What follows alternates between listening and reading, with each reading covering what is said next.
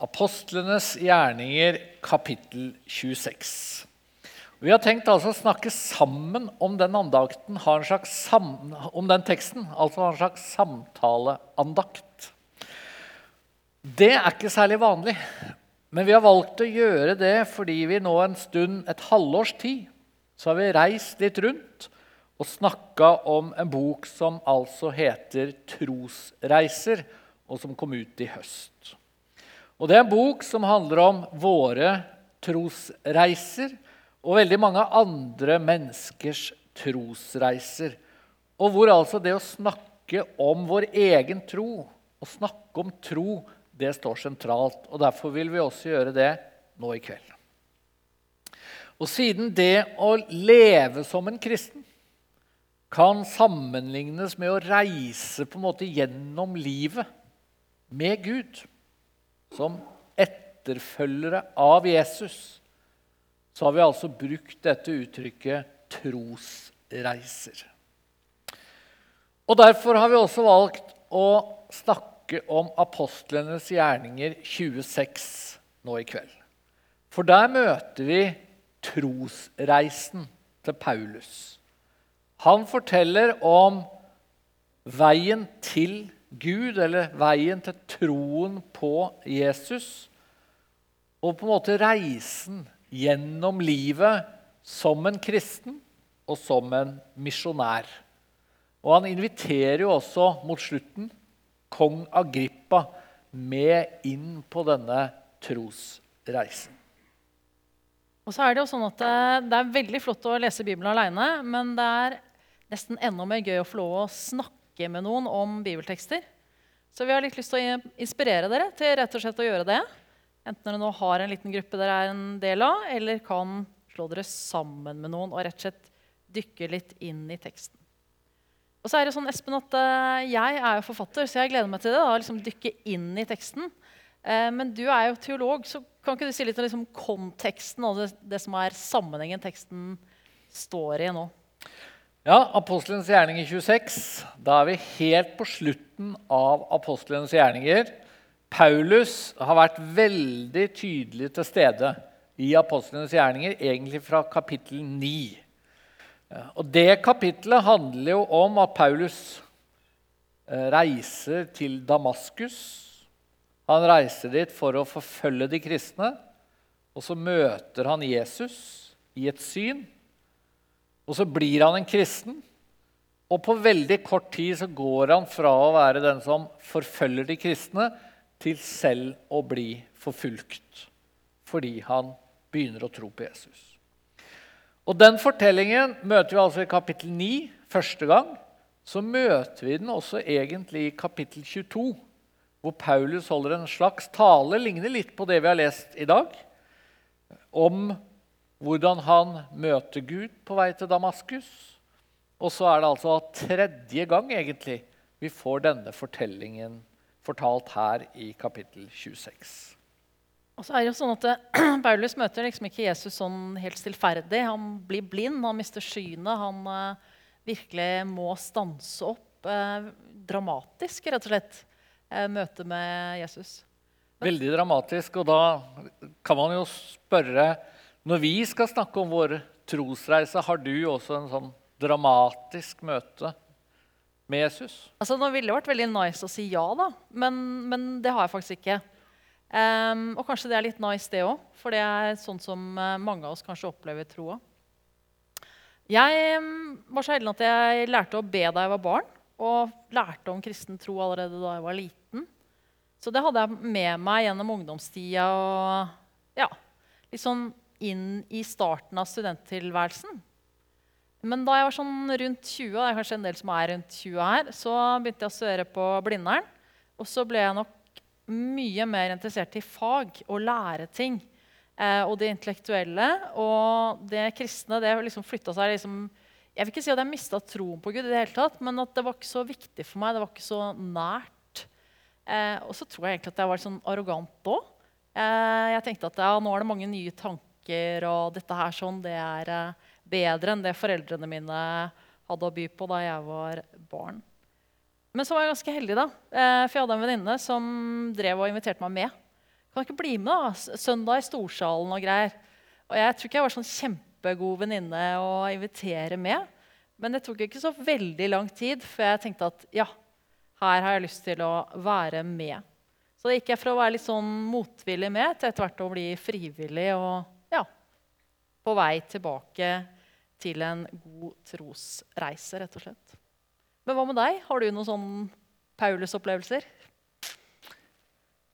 Ikke på den måten at jeg eh, en gang kan liksom fortelle at jeg eh, ikke var kristen i det hele tatt. Eh, Jeg er også vokst opp med kristendom, kristentro. Og jeg tror, kanskje i motsetning til veldig mange andre, så ble det veldig tidlig viktig i mitt liv å tro. Eh, Faren min døde da jeg var fem år. Eh, Og jeg husker veldig godt at vi ba for ham hver kveld. Av en eller annen grunn så tror jeg ikke vi ba på den måten at eh, når han døde, så blei jeg liksom veldig skuffa over Gud. Jeg lærte nok allerede som femåring at eh, det er ikke alltid vi får den type bønnesvar vi ønsker oss. Eh, Men jeg husker, og det er omtrent det eneste jeg husker av faren min, det var at han snakket om at når han skjønte da, at han kom til å dø, at han eh, gikk i forveien. Snakka omtrent som Jesus gjør i Johannesevangeliet, eh, hvor Jesus sier at han, han går i forveien. Det sa faren min òg. Prøvde sikkert å forklare det til en femåring at nå skal, skulle han på en måte gjøre klart til vi andre kom Og det blei veldig viktig for meg, og har egentlig da vært det siden jeg var fem år.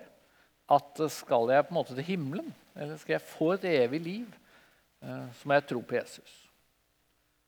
Og så har jeg etterpå, når jeg ble voksen, så lærte jeg at eh, han faren min, som lå i sjukesenga, hadde kreft, snart kom til å dø Når han sa det til meg, han var 50 år når han døde, så hadde han bare vært kristen noen få år.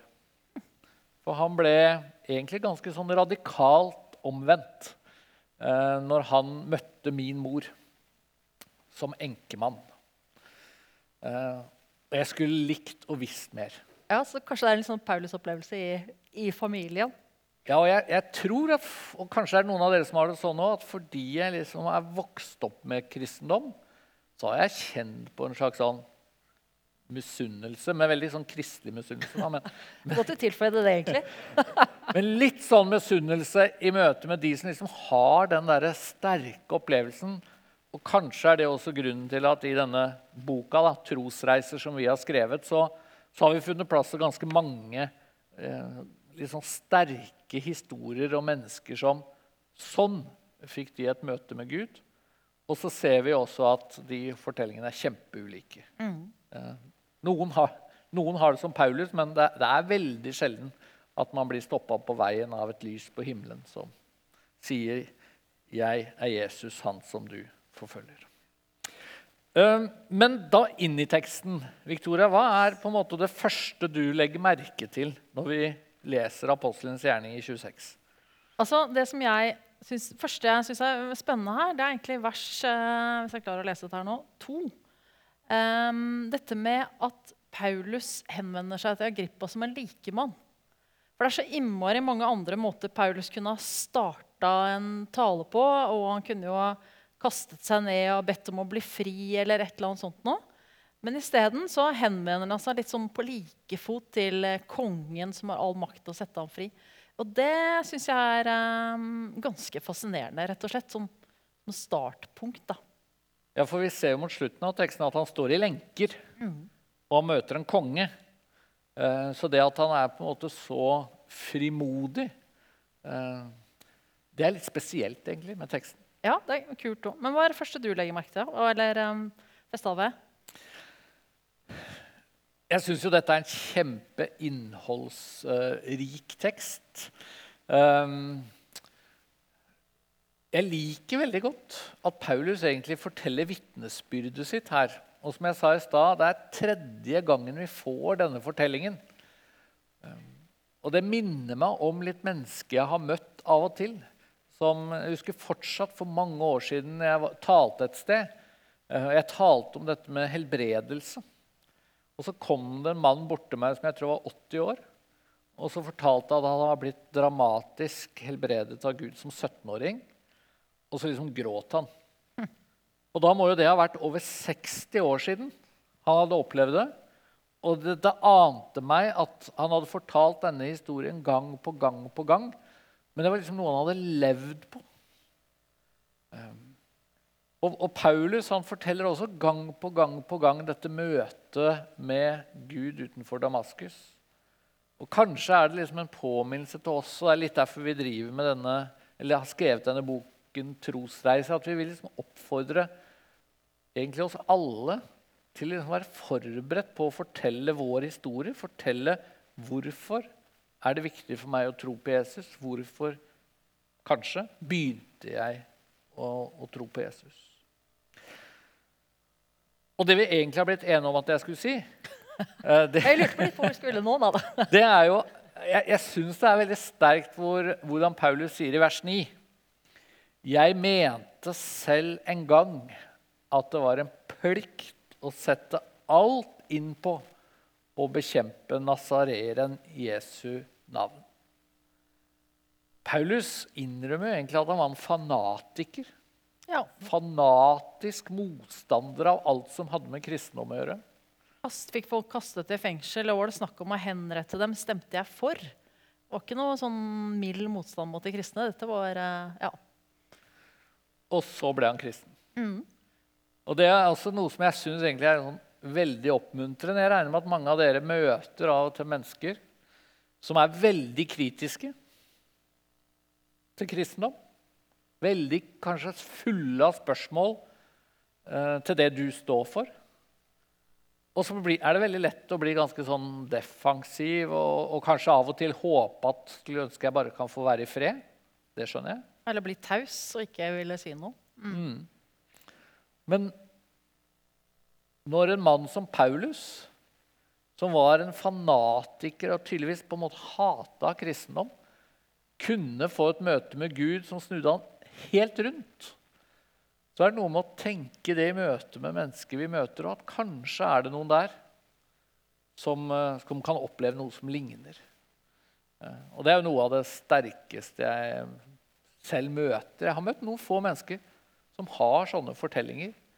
Eh, som går fra liksom bare være negative til tro eh, til å bli kristne. Men så er det jo sånn at det, Du sa det med at Paulus forteller fortellingen tre ganger. og Nå skal vi jo liksom ikke innen de andre to stedene, da, men hvis vi ser på hva han sier om dette møtet med Jesus, så syns jeg det er ganske fascinerende. Um, for han forteller at liksom Jesus eh, henvender seg til ham og sier hvem han er, osv. Men han utelater én viktig detalj. da. Han, Paulus sier ikke noe om at han ble blind. Eh, og det har jeg tenkt litt på, for det er noe med at eh, det må ha vært utrolig sterkt. Altså, Du er på vei et sted, og så plutselig mister du synet, og så er du uten syn i tre dager og må leies hit og dit. og Du skjønner ikke hva som har skjedd, eller hvor du skal hen. Og det er jo en helbredelse som gjør at han får syn tilbake igjen. Ja. Og likevel så er det noe han på et eller annet vis da hopper over akkurat her. Ja, og det syns jeg er um, interessant. Altså, hvorfor det? Hvorfor er ikke det med denne gangen? Det som kanskje var um, fysisk mest forandrende for han. da. Og så har jeg, jeg i hvert fall tenkt, Nå er jeg litt spent på hva du, du, har tenkt, for jeg har ikke planlagt alt her. Um, jeg har tenkt at uh, han gir videre det som han opplever er det viktigste han har fått. Da. Altså rett og slett et møte med Jesus og kallet til å gå ut er det som Paulus trekker fram av den omvendelseserfaringen når han snakker med Agrippa. Ja, og på et vis, Min gjetning blir jo like god som din. for vi... Og Det er jo det som er gøy med å snakke om bibeltekster. ja. Ja, fordi det er et eller annet altså, Det står jo ikke i teksten hvorfor Paulus utelater det. Men jeg, jeg tror jeg liksom tenker at det er noe fint med det. Fordi vi, vi, kunne jo kanskje tenkt at det han burde ha utbrodert i møte med kong Agrippa, det er liksom en helbredelse.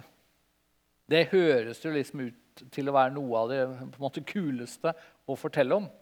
Men så er det tydelig at det møtet med Jesus for Paulus det inneholdt så mye annet viktig.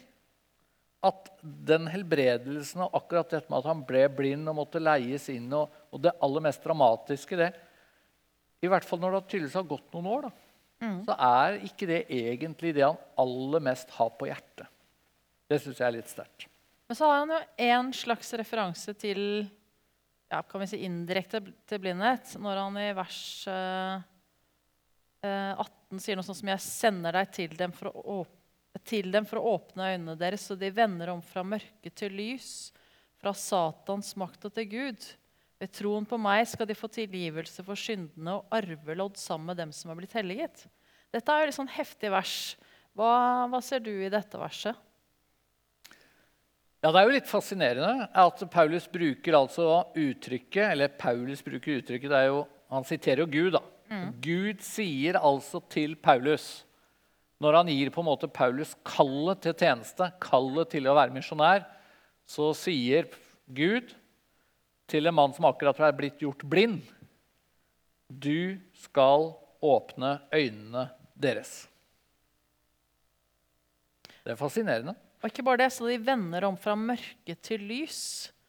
Ja, og hele dette vers 18 um, ehm, Av og til så leser altså Det er et av de kanskje viktigste versene for meg og i min tro. Fordi jeg av og til stiller jo spørsmålet, som sikkert en del av dere òg gjør hva er, liksom, hva er virkelig poenget med å tro? Hvor stor forskjell gjør egentlig troen på Jesus? Og da kan du lese dette verset, og så ser du på en måte når Paulus skal beskrive det her, at troen på Jesus gjør en enorm forskjell. For hvis du er en kristen, så har du åpna øyne. Og underforstått, hvis du ikke er en kristen, så, så, du, så er du blind. Hvis du er en kristen, så vandrer du i lyset. Hvis du ikke er kristen, så vandrer du i mørket. Hvis du er en kristen, så tilhører du Gud og hans makt. Du flyttes fra Satans makt til Guds makt. Hvis du er en kristen, så får du tilgivelse, som det står. Og til slutt arvelodd.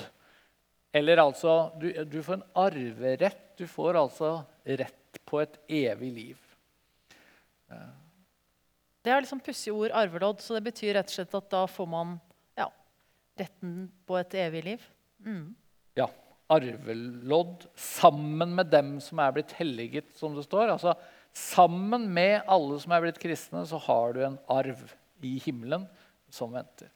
Og jeg tenker at denne teksten den sier ikke nødvendigvis hvordan det føles å være en kristen. Det er ikke sikkert det føles som at du vandrer i lyset, du har gått fra, Guds, fra Satans makt til Guds makt.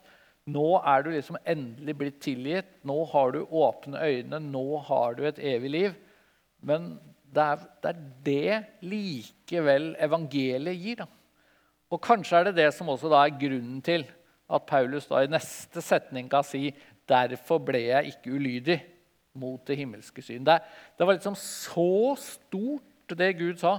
Så enormt kontrastfylt å få være med og flytte mennesker fra mørke til lys og Satans makt til Guds makt. Det var liksom så stort at da måtte Paulus bare være lydig. Selv om det da betyr at han kommer i lenker framfor kongen. Ja, Så han driver egentlig og vitner for kongen? Det er han, det som skjer her. Han gjør det. Ja. Mm. Og så tar det jo bare noen vers, og så utfordrer han også kongen og sier eh, eh, Jeg tror du er blitt kristen. Ja, ikke sant? Det er så kult, det verset der. altså. Når Agrippa sier til Paulus det er like før du får overtalt meg til å bli en kristen, og Paulus svarte like før eller langt igjen. Mitt ønske til Gud er at både du og alle som hører meg i dag, må bli som jeg, bare uten disse lenkene. Det er liksom statement, altså. Når du står eh, foran en konge som har makt til å sette deg fri, og så sier du at, eh, til kongen at eh, du ønsker at kongen skal bli som deg. Hva, hva, hva skjer her, egentlig? Hva tenker du om det? Jeg husker at uh, Billy Graham, uh, den mest kjente predikanten tror jeg, siste 100 år, Eh, han ble en gang spurt om han ikke skulle stille som presidentkandidat i USA. Og, og det verste av alt han har sagt, var at det var kanskje ikke helt urealistisk at han kunne gjort det bra, for han var utrolig populær, utrolig kjent.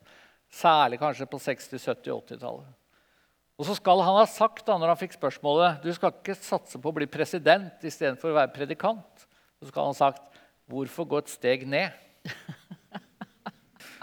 uh, og det er litt det Paulus sier her på en helt annen måte, men litt sånn ekstremt. Han står der liksom med lenker, og antagelig lenker både på føttene og på armene. Han står foran en konge som kan dømme han til døden. Og så sier han skulle ønske du blei som meg. Mm. Og så er han seriøs nok til å si da, ja, ja, med unntak av disse lenkene.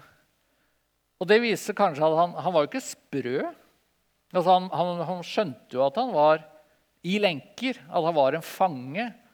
Han kjente jo at dette var ubehagelig, og sånn, men, men, men det å tro på Jesus, det å ha Jesus i livet, det liksom oppveide alt. da. Det må være det. Ja, Så Paulus gjør mer enn å forsvare seg. Han eh, vitner om Jesus og når i hvert fall ganske langt inn da, til eh, denne kongen. Og så er det jo en annen kar her da, som vi nesten ikke har nevnt. Festus. Ja. Som sier eh, 'Du er fra forstanden'. Og det han svarer, er ganske interessant. Ja, han sier, Paulus sier, 'Jeg er ikke fra forstanden, ærede Festus, for alt jeg sier, er sant og vel gjennomtenkt'. Og den vel gjennomtenkt den liker jeg. For det er noe med at uh, av og til så kan vi liksom føle at i hvert fall føler jeg, at folka i Bibelen er liksom wow, her er det veldig heldige, hellige mennesker som gjør ting riktig ofte. Eh, og her ser vi liksom at Paulus han, eh, har forberedt seg. Han har gått inn som et menneske og tenkt gjennom hva han skal si til kongen. Og det lille sånn menneskelige trekket der syns jeg var veldig fint. Ja, han stoler helt klart sikkert på Den hellige ånd, men han har også på en måte brukt sin kunnskap og sin logikk til å tenke ut hvordan han skal vitne, og hvordan han skal fortelle om dette til kongen. Så litt sånn menneskelig ja. Og kanskje har han øvd. Ja. Altså selv om han er ledet av Den hellige ånd, så utelukker ikke det at man også forbereder seg og så tenker igjennom hvordan skal jeg si dette på en best mulig måte. Det er kanskje det vi rekker, Espen? Jeg tror vi skal avslutte med en kort bønn. Ja. Og så tenker jeg litt ekstra på, på dette ordet også om at det er like før du overtaler meg til å bli en kristen. Paulus sier det til eh, Eller Agrippa sier, sier det. Så tenker jeg her er det ungdommer. Eh, kanskje er det noen her som, som lurer på om det er liksom helt i nærheten. Eh, og jeg har særlig lyst til å be for, eh, for dere. Kjære Herre, takk for teksten vi har lest. Takk for at det er så mye som vi kan ta med oss ifra ditt ord, Jesus. Takk for det møtet Paulus fikk med deg på vei til Damaskus at vi kan lese det et par tusen år senere eh, og få et innblikk i hvordan ett menneske møter deg, og hvordan ett menneske forteller om det møtet for en konge. Og så ber vi om at eh, vi som er her i kveld, kan få oppleve at det er eh, stort, viktig, at det virkelig gjør en forskjell. Det å tro at det å bli flytta fra mørke til lys, fra Satans makt til Guds makt, det å få tilgivelse og arverett, det er til og med verdt lenker og fangenskap. Velsign oss i Jesu navn. Amen.